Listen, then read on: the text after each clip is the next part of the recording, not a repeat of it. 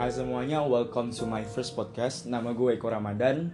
Dan sebelum gue memulai podcast gue kali ini, yang podcast gue pertama kali, gue terima kasih banget buat Ridho Dwi Prasetya atau biasa yang dipanggil Pras. Uh, dia itu teman aku SMP dan dia ngajarin how to make a simple podcast. Makasih Pras. So guys, sebelum gue masuk dari konten gue podcast gue pertama, gue waktu itu sempet buat kayak question gitu kira-kira untuk podcast gue pertama kali apa gitu kontennya dan akhirnya banyak yang kayak ngomen-ngomen gitu. Ada dari horror story terus juga paranormal experience. Beda ya horror story sama paranormal experience. Terus juga ada tentang kayak mental illness I don't know how to say. Terus juga uh, banyak lah pokoknya. Dan akhirnya ternyata yang paling banyak itu adalah paranormal experience uh, yang kayak termasuk horror gitu. Dan akhirnya gue buat lagi pertanyaan kira-kira mau bagian mana gitu. Karena gue kayak punya tiga judul dan ternyata banyak yang request lagi tentang tempat aku PKL kemarin waktu di Batam. Dan ini merupakan based on true event based on true story-nya aku.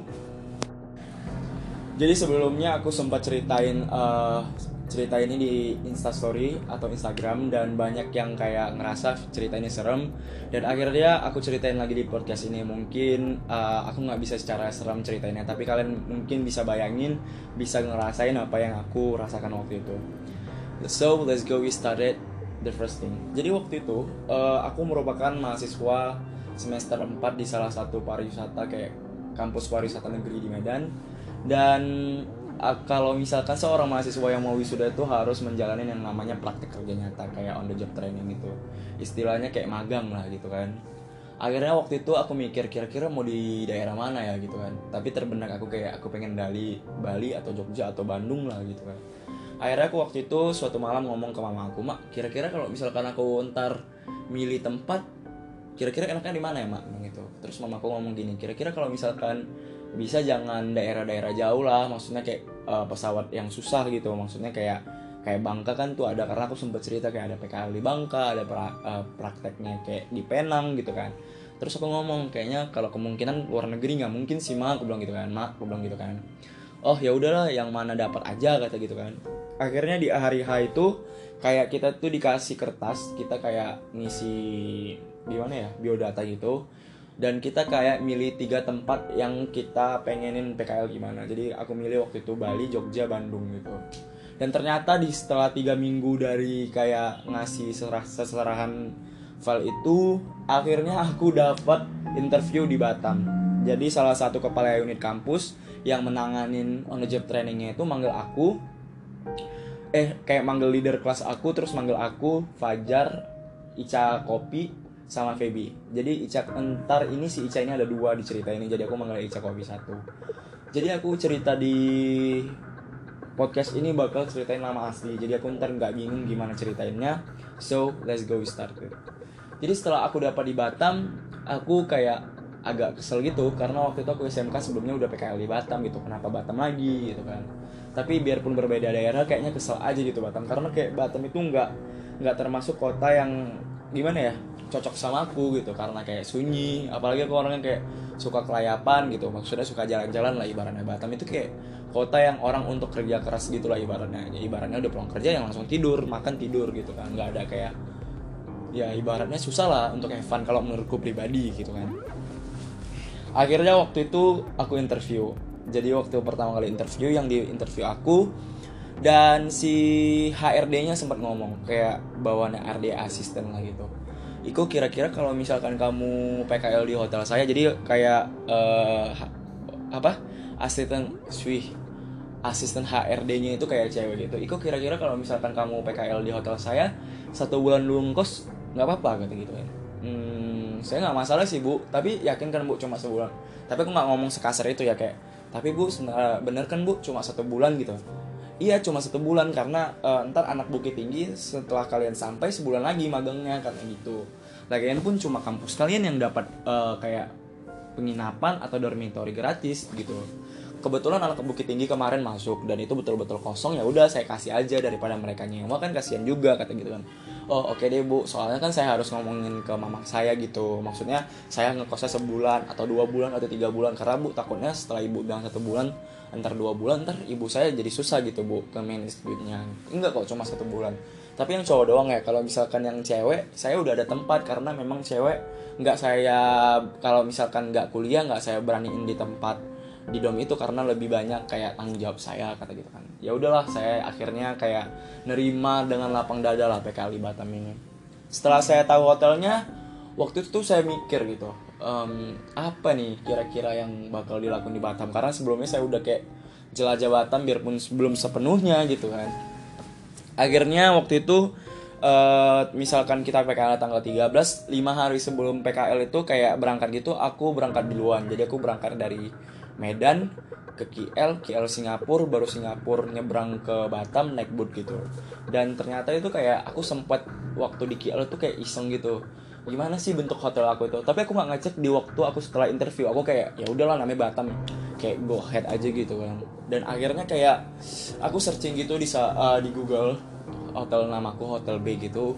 Dan aku kayak mikir gitu, hotelnya nggak bad-bad banget sih dan itu kayak di tengah kota juga, kayak nggak jauh dari uh, ferry terminal yang gede terus juga nggak jauh mall dari sekitar kayak mall di situ ada kayak uh, satu dua dua gitulah kayak nggak nggak nggak jauh-jauh banget lah ke mall gitu kan akhirnya setelah kayak searching searching di Google aku iseng dong ke Instagram gitu kan.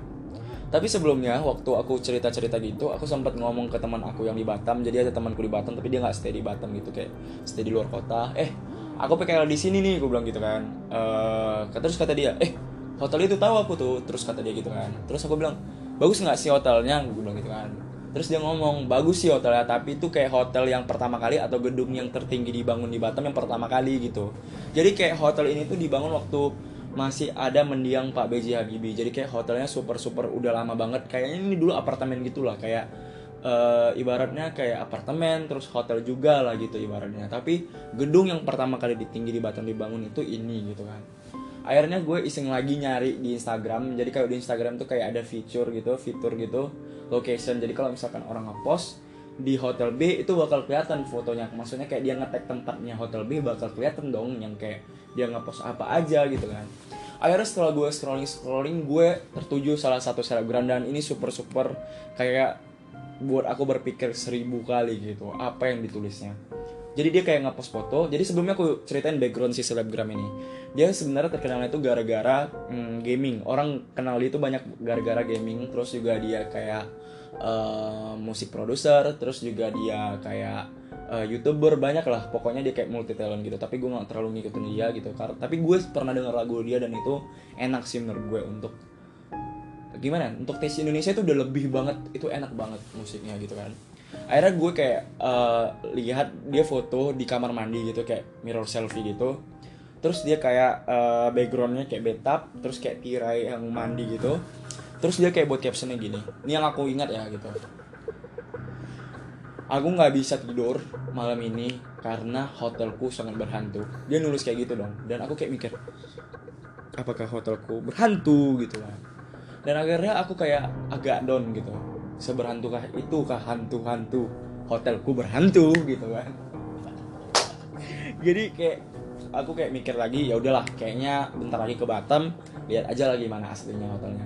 Jadi waktu itu sempat um, ada beberapa barang yang nggak bisa aku bawa ke Batam karena kau kar cuy karena aku memang kayak dari Medan ke KL dulu KL Singapura Singapura Batam jadi nggak bisa bawa banyak barang gitu dan akhirnya mamaku ngirim ke Batam dan di situ aku hari nyampe di situ juga barangnya nyampe gitu kan di Batam. Dan di situ aku kayak hmm, langsung ke hotelnya. Kan teman-temanku belum datang dia flagnya sampainya jam 5 sore aku nyampe dari uh, Singapura ke Batam itu sekitar jam 1 siang jam 2 siang. Jadi aku ke hotel dulu terus aku kenalan sama security-nya kenalan sama security-nya. Pak, uh, saya mahasiswa dari universitas ini. Saya mau ngambil barang, Pak oh kamu yang ngirim barang ya? Ini nih barangnya di kayak jadi aku kayak bawa satu kotak gitu kotak indomie. Tapi sini kayak baju kayak stok-stok uh, makanan lah ibaratnya gitu kan. Terus aku kayak nunggu agak lama lah nunggu konku akhirnya mereka nyampe hampir maghrib setengah tujuh gitu. Dan kita tuh belum cari kos di hari itu gitu kan belum cari kos. Dan akhirnya kita di malam itu nginap di tempat anak bukit tinggi. Jadi kayak tidurnya tuh kayak himpit himpitan gitu. Tapi sebelum waktu kita masa kita PKL itu ada salah satu anak kayak satu jurusan satu semester juga tapi beda kelas yang udah pulang gitu. Jadi kayak ada kamarnya kok eh tempat tidurnya yang kosong jadi aku sama si Pajar tidur lah uh, kayak satu kasur gitu. Dan akhirnya terjadilah di mana kita PKL kayak omongan-omongan staff yang memacu kayak statusnya si atau captionnya si selebgram tadi akhirnya kayak terbukti satu persatu. Sebelum aku masuk PKL yang aku takutin tuh kayak staff-staff yang galak atau enggak kayak staff-staff yang kayak ibaratnya jutek super abis terus juga kayak teman-teman PKL yang mungkin kayak ngeselin gitu kan. Ternyata itu nggak ada. Kayak staffnya super ramah kayak orang-orangnya juga baik gitu kan. Dan akhirnya kayak yang di satu ruang lingkup kerja itu cuma aku Fajar sama Ica Kopi. Si Feby ini kayak front office kita di back office-nya karena kan kita masak. Nah waktu itu tuh kayak ada anak PKL itu dari Bukit Tinggi eh dari Padang itu cewek semua terus dari Batam ada dua cewek satu cowok. Jadi si cowok yang namanya Ryan terus yang si kedua namanya Ica terus yang ketiga namanya si Mila kalau nggak salah. Lupa aku namanya Mila atau siapa gitu akhirnya kita PKL gitu. Jadi waktu itu sempet satu staff ngomong ke aku dek kalau di sini jangan pikirannya jangan kosong kosongnya kata gitu kan. Soalnya hantu hotel kita berhantu. Nah dia kayak bercanda kayak gitu aku mikir lagi apa memang bener hotel ini berhantu? gitu kan terakhir kayak aku mikir apa betul-betul juga ya kira-kira statusnya siapa itu captionnya siapa itu. Kayak aku mikir-mikir lagi kira-kira gitu kan. Akhirnya terjadilah paranormal experience yang pertama. Jadi ini aku mohon kayak kalian bayangin apa yang aku bilang jadi bisa terasa gitu. Kira-kira bagaimana yang terjadi sebenarnya. So let's go we started. Akhirnya pernah waktu itu satu malam aku kayak masuk shift sore jadi kayak kejadiannya malam gitu jadi di hari itu kayak hari Sabtu kayak kerjaan banyak banget tamu juga banyak banget yang order makanan gitu kan. Akhirnya kayak kita kayak istirahatnya susah gitu. Dan akhirnya aku kayak dikasih break itu di sekitaran jam 8 gitu. Sholat isya lah gitu kan. Jadi kayak posisinya musola ini jadi posisi kayak musola ini kayak lantai dua kerjaan aku di lantai satu. Jadi kayak naik lantai dua sebelah kanannya kayak udah dapat langsung kantin. Jadi kayak musola tuh lurus lagi sekitar kayak hampir 100 meter jauhnya kayak lorong gitu dan belok kiri 10 meter baru langsung musola. Jadi pas menjalani si 100 meter ini kiri kanannya kayak ruangan kosong gitu kayak ruang meeting ballroom gitu terus juga bisa tembus ke lobby atas gitu. Pokoknya kayak serem lah kalau untuk lewatin ini malam kayak posisinya malam gitu kan jadi waktu itu aku mikirkan sholat dulu apa makan dulu ya gitu kan. Ah kayaknya sholat dulu karena kan kayak uduk mungkin segar terus juga kena AC jadi kayak keringat yang tadi kayak banyak. Jadi bisa kering terus kayak makan bisa mood dalam hatiku kan. Jadi akhirnya aku memutuskan lah untuk sholat itu waktu aku sholat pas lagi mau jalan ke musolanya itu kayak aku denger gitu orang ngomong gitu. Tapi kayak seakan-akan ngomongnya itu antara suaranya gede dan pelan. Dan aku mikir gini masa suaranya sepelan ini bisa sejauh ini denger gitu? Kira-kira dia ngomong sama siapa dan ini siapa gitu kan? Akhirnya aku kayak mulai jalan dan jalan. Seharusnya kalau misalkan aku jalan orang ini udah bisa denger aku karena waktu itu posisinya aku pakai safety boots. Jadi kayak safety boots ini kayak kalau misalkan lu jalan aja kedengeran gitu apalagi posisinya kayak lorong itu sunyi gitu. Dan ternyata pas gue lagi jalan yang gue liat ngomong ini si Ica dan si Ica ini nggak ada ngomong sama siapa-siapa. Dan di situ posisinya dia nggak ada ngomong pakai handphone ataupun walkie talkie gitu karena dia kayak megang walkie talkie ke mana pun gitu kan. Terus gue bilang kau mau ngomong sama siapa cah gue bilang gitu kan. Dan di situ dia posisinya langsung cabut. Di situ kayak mikir ih ini anak ngomong sama siapa? Gitu kan. Dan aku kayak ketakutan di situ sumpah. Dia kayak langsung cabut dan dia ngeliat aku sekali ke belakang gitu kan. Dan aku kayak kok ngomong sama siapa cah aku bilang gitu kan. Dan langsung aku kayak langsung ngikutin dia. Maksudnya kayak aku nggak berani sholat jadinya gitu kan akhirnya aku ngikutin dia ternyata dia masuk lift. Terus aku kayak sempat lihat dia gitu kayak dia kayak seakan-akan nggak senang yang kayak kejadian tadi itu. Terus waktu aku makan tiba-tiba Feby datang gitu. Feby datang dan aku sempat ngomong ke Feby Feb aku mau cerita lah Feb. Cerita apa aku bilang dibilang dia gitu kan. Aku kayak dipanggil cokku gitu di, di kampus juga. Tadi kan aku mau sholat. Kau tahu nggak sih anak Batam yang namanya si Ica? Aku bilang gitu kan ah iya kenapa? Yang yang suka jadi Blackpink itu kan. Nah si Chen kayak suka Korea banget gitu. Kayak Korean garis keras gitu kan. Dan dia kayak kayak aku ngomong gitu. Jadi kan gini gini udah aku jangan ngomong hantu sumpah aku takut. Dan dia kayak langsung kayak takut gitu jadi aku nggak bisa cerita cerita ke siapa siapa gitu kan. Dan akhirnya kayak seminggu pun berlalu dan aku kayak beraniin ngomong sama Ica si Ica ini. Dan sebelumnya kayak si Ica ini nggak mau ngomong sama aku bahkan kayak aku ajak bercanda dia pun nggak mau. Yang kayak sebelumnya dia kayak ramah lucu sama aku juga kayak enak diajak ngomong dan ternyata nggak mau diajak bercanda. Dan setelah kayak satu minggu gitu dia berani ngomong sama aku. Terus aku bilang gini cah kok marah sama aku? Aku bilang terus dia enggak abang mana ada marah. Dia kayak seakan-akan kayak melupakan yang lalu itu. Terus kayak gue bilang kak cak kau jujur aja sih cak. Nggak ada bang. Jadi kayak aku bisa memutuskan bahwasannya bisa dia itu kayak berinteraksi sama hantu. Itu yang pertama.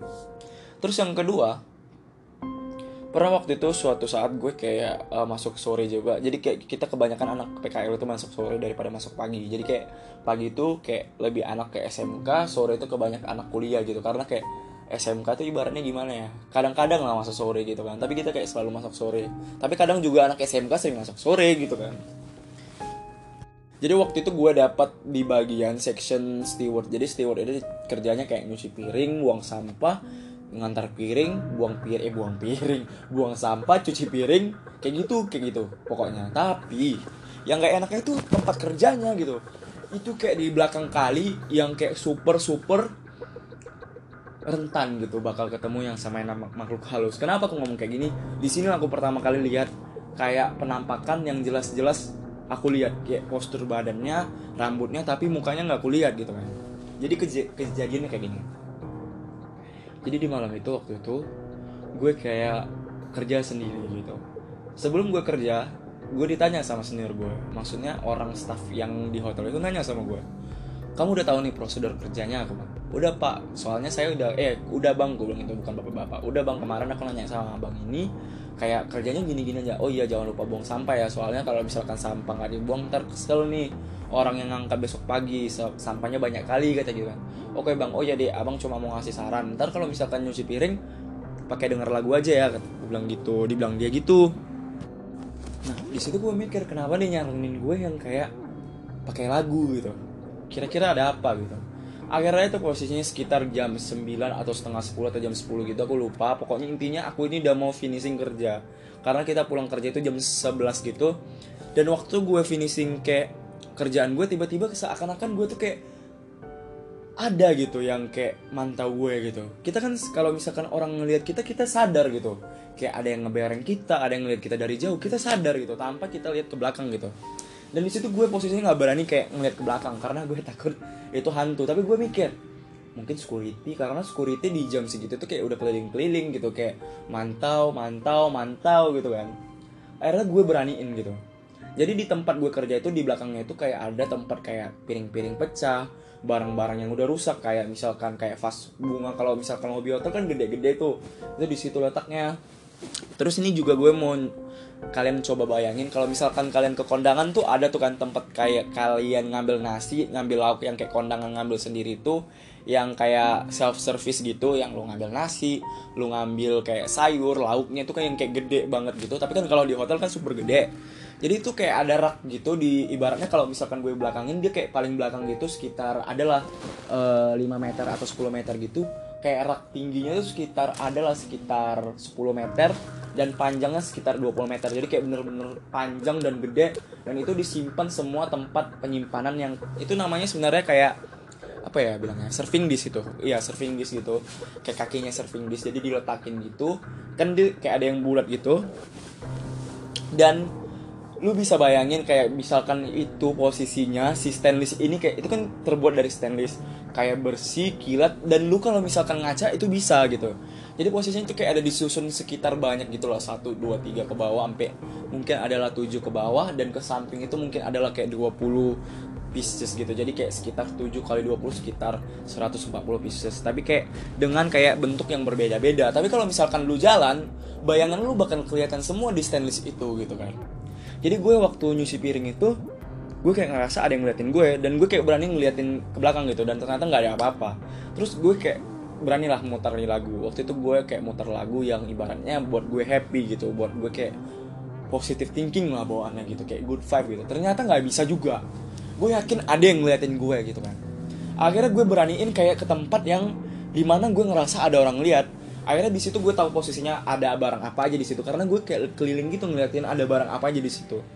Ternyata pas gue ngeliat ke standis gue takut ceritanya gue ngerinin coy. Gue kayak ngeliat gitu cewek kayak rambutnya tuh gak panjang-panjang banget pan gak panjang-panjang banget. Terus dia kayak gue nggak ngeliat dia tuh secara spesifik tapi gue ngeliat ada orang berdiri di belakang gue astagfirullahaladzim. Aduh merinding. Jadi gitu gue langsung lari gue ada kamu mau ngapa apa lagi? Gue langsung lari nih manggil staff yang tadi nyaranin gue. Terus gue bilang bang bang bang tolong aku gue bilang gitu kan. Terus dia ngomong kenapa kalau dia katanya. Aku lihat bang lihat lihat orang lihat antu nggak tahu aku bang. Terus dia kayak langsung tanpa pinggir panjang ibaratnya dia nggak nggak seakan-akan nerima gimana ya nerima ceritaku nih bulat-bulat tanpa kayak ada nyeletuk gitu. Ah nggak ada itu hantu. Dia nggak ada ngomong kayak gitu. Seakan-akan dia percaya yang aku ngomongin. Terus dia kayak ayo kita ke sana bentar kata gitu terus abang mau ngapain? Bilang udah ayo lah kata gitu kan. Gue kayak mikir dia tuh mau nunjukin hantunya atau gimana gue mikirnya ke situ. Ternyata dia di situ nunggu gue dan dia ngomong kayak gini e, dek udah selesaiin kerjanya sama nama mampu abang nunggu di sini. Pokoknya 15 menit ya soalnya abang gak ada kerjaan lagi. Kita pokoknya kan mau pulang ada kerjaan lagi kata gitu kan. Iya bang. Di situ gue kayak langsung cepet-cepet nyuci piringnya buang sam gue kayak buang sampah gitu gue ambil troli langsung lah. Pas gue ngorong kayak ini ke ke apa namanya cliff dia nanya emang kalau lihat apa tadi? Kata gitu kan. Terus gue bilang gue jelasin. Aku lihat cewek bang gitu. Tapi aku nggak nggak lihat dia spesifikasinya mukanya kayak gimana badannya kayak gimana. Aku intinya tahu itu orang bang. Pas aku tengok di belakang itu nggak ada orang. Terus dia ngomong kau yakin itu? Kau pasti itu itu bisa kau lihat atau gimana? Atau cuma kayak ilusi kok bang pantulan dia tuh banyak bang. Pantulanku juga banyak. Pantulan apa? Coba bang berdiri di stainless itu surfing di situ pasti kelihatan. Iya sih aku pernah di situ berdiri pas lagi nyari barang gitu memang kelihatan. Terus dia kayak seakan-akan percaya yang aku bilang gitu. Dan akhirnya di situlah posisinya aku tahu bahwasannya hotel itu berhantu. Dan selanjutnya waktu itu kita dapat kabar bahwasannya hotel kita bakal end. Ibaratnya bakal dibeli sama seseorang yang sangat kaya raya gitu. Jadi ibaratnya kita PKL-nya aturannya 6 bulan jadi 4 bulan. Jadi kayak dipotong gitulah masa PKL-nya on the job trainingnya. Di situ kayak posisinya seneng karena juga posisinya sebelum lebaran bakal pulang gitu kan. Dan waktu itu kita disaranin gitu kira-kira kalau misalkan masuk malam mau nggak gitu dan aku kayak kemarin uh, sempat mikir kira-kira mau masuk malam nggak ya. Tapi dari di hotel dari hotel bahwasannya kita nggak boleh masuk malam. Dan ternyata akhirnya kayak keadaan menuntun kita dan memaksa kita untuk masuk malam. Sewaktu itu hotel udah mau tutup kayak banyak staff yang ngundurin, ngundurin diri. Karena kan udah pasti nggak kerja di situ lagi kan. Dan kita kayak dipaksa lah masuk malam. Jadi yang pertama kali masuk malam itu aku. Waktu itu posisinya Pajar Ica dan anak-anak lainnya belum ada yang masuk malam masuk malam. Tapi si Ryan pernah masuk malam kalau nggak salah jadi waktu itu ditanya sama kayak kepala chefnya gitu kamu bisa masuk malam? Terus kayak aku ragu sebenarnya karena setelah kulihat penampakan penampakan gitu terus aku ngomong iya pak uh, insya Allah aku yakin bang. Kerjanya nggak berat kok deh nanti kok selo-selo aja. Ada bang Herman. Nah aku posisinya waktu itu sama bang Herman kerjanya. Jadi bang Herman ini orangnya kayak nggak banyak cakap enak lah orangnya pokoknya.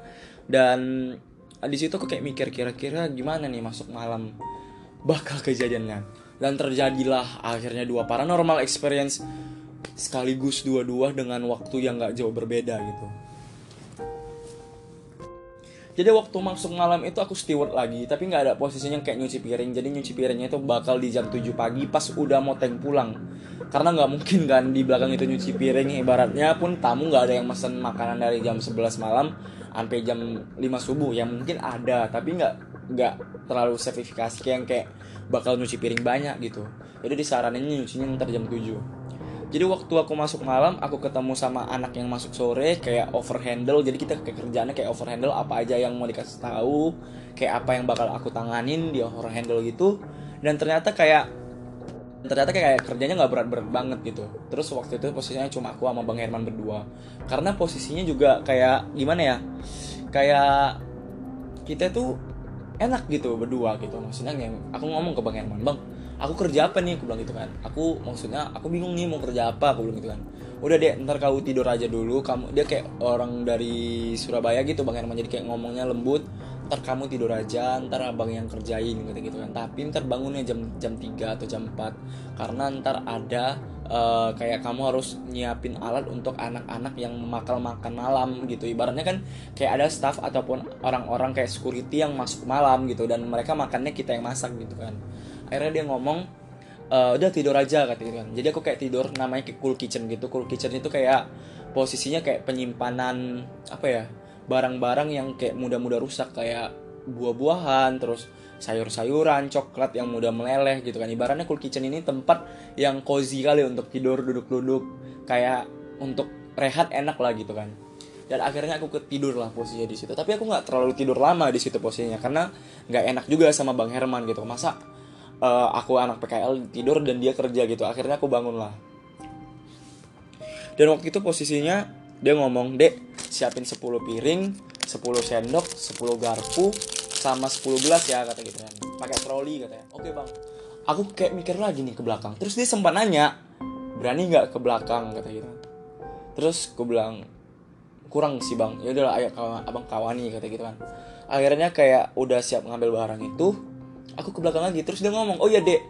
Bol lupa nih kayak ada bowl gitu tempat nasi bakal tempat nasi kayak mangkok gede gitu dari kaca keramik gitu dua sama susu ya aduh ke belakang lagi dong aku harus buka chiller chiller ini kayak kayak betul-betul kayak kulkas yang gede banget gitu kayak tempat penyimpanan barang-barang yang udah rusak kayak susu juga sayur tapi kayak versi dinginnya gitu kan.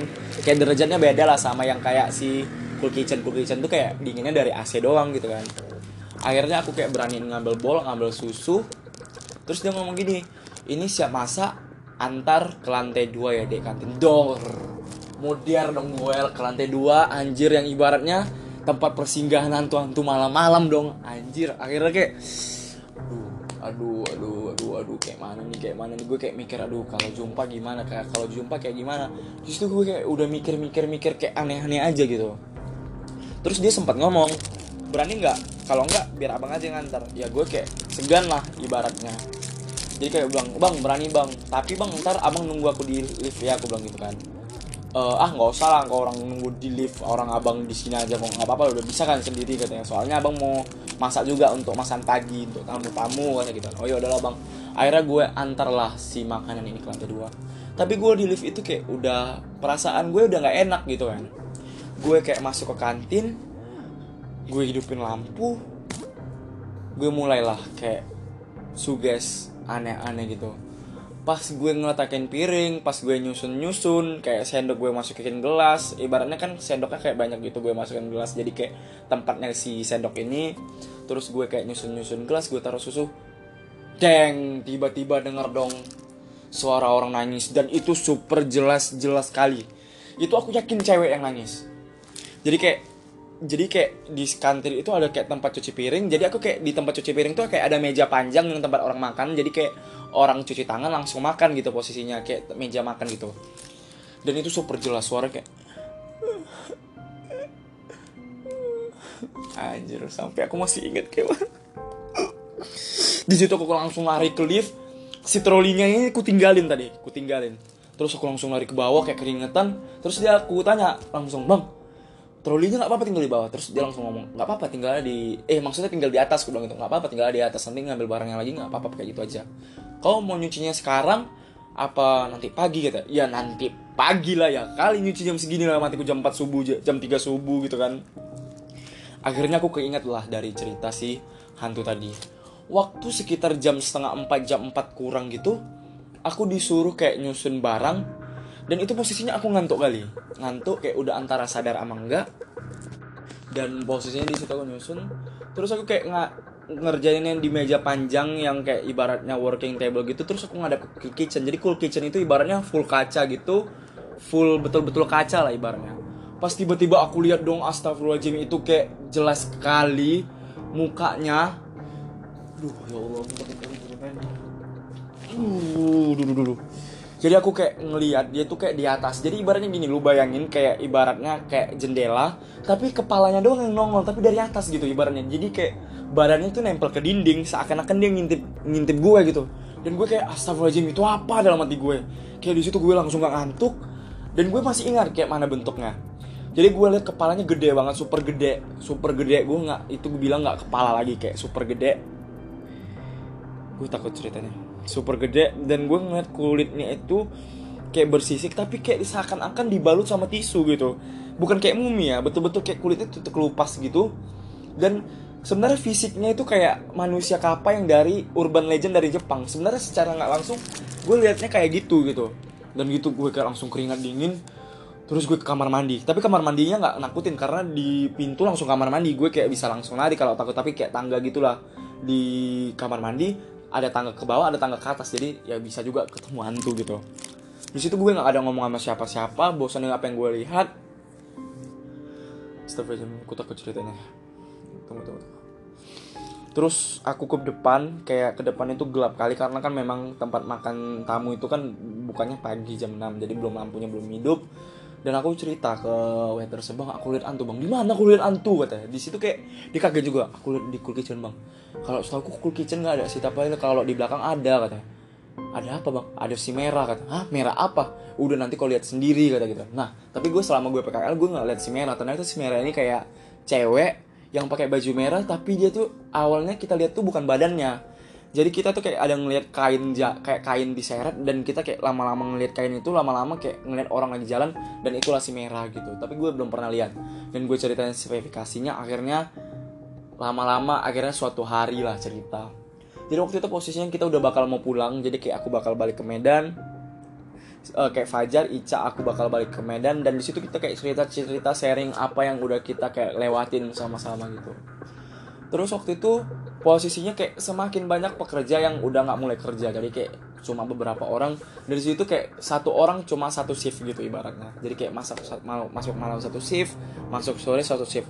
Dan lu percaya nggak? Dan itu nggak ada yang berani masuk malam siapa pun. Dan kalau ada pun yang mau masuk malam itu bayarnya lebih gitu.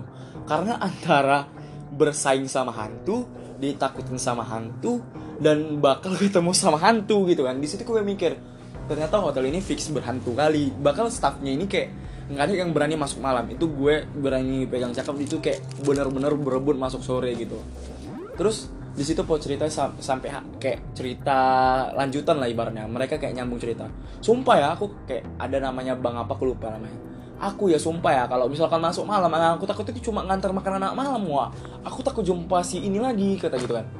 Langsung nunggu potong bang bentar bang abang pasti jumpanya antara kamar eh kayak tempat nyuci piring sama gudang bang. Cewek kan bang iya kau pernah dengar katanya pernah bang waktu aku masuk malam pertama kali itu bang aku jumpa dia kayak nangis gitu. Nggak jumpa sih bang aku denger gitu kayak ada orang nangis. Iya dia abang juga dengar waktu itu gini kayak kita sharing sharing semakin takut dong yang masuk malam gitu kan. Akhirnya waktu itu kayak udah mau seminggu mau pulang kita udah kayak mesen tiket kita waktu itu pulang naik kapal gitu dan kita kayak mesen tiket akhirnya gue steward lagi dong hampir mau seminggu gitu kan. Jadi Fajar sempat kayak seminggu aku seminggu. Dan Fajar sempat juga sih kena paranormal experience karena dia cerita. Jadi waktu dia nyuci piring dia kejadiannya sama kayak aku tapi dia nggak ngelihat orangnya. Tapi kayak ada orang yang kayak ngelempar barang terus kayak piring pecah itu jelas sekali kata Fajar. Jadi ntar kalau misalkan aku bisa nanya sama Fajar aku ceritain di sini ntar aku ceritain sama Fajar ya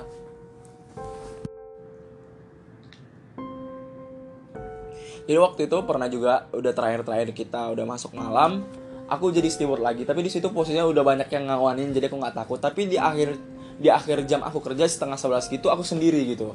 Udah nggak ada kerja yang mau dikerjain jadi kayak aku bersihin area kerja. Aku tiba-tiba aku ngeliat security lari dan dia kayak super super pucat putih. Tapi lu bayangin security kayak badannya keker gitu kayak ibaratnya tentara lah gitu ibaratnya. Dan tiba-tiba ngeliat yang kayak gitu gue takut dong langsung langsung lari dong gue. Terus gue kayak kenapa pak? Gue begitu kan. Sumpah aku nampak si merah tadi di situ kayak orang langsung ngumpul. Nampak apa kau? Gitu. Nampak si merah pak kata gitu kan.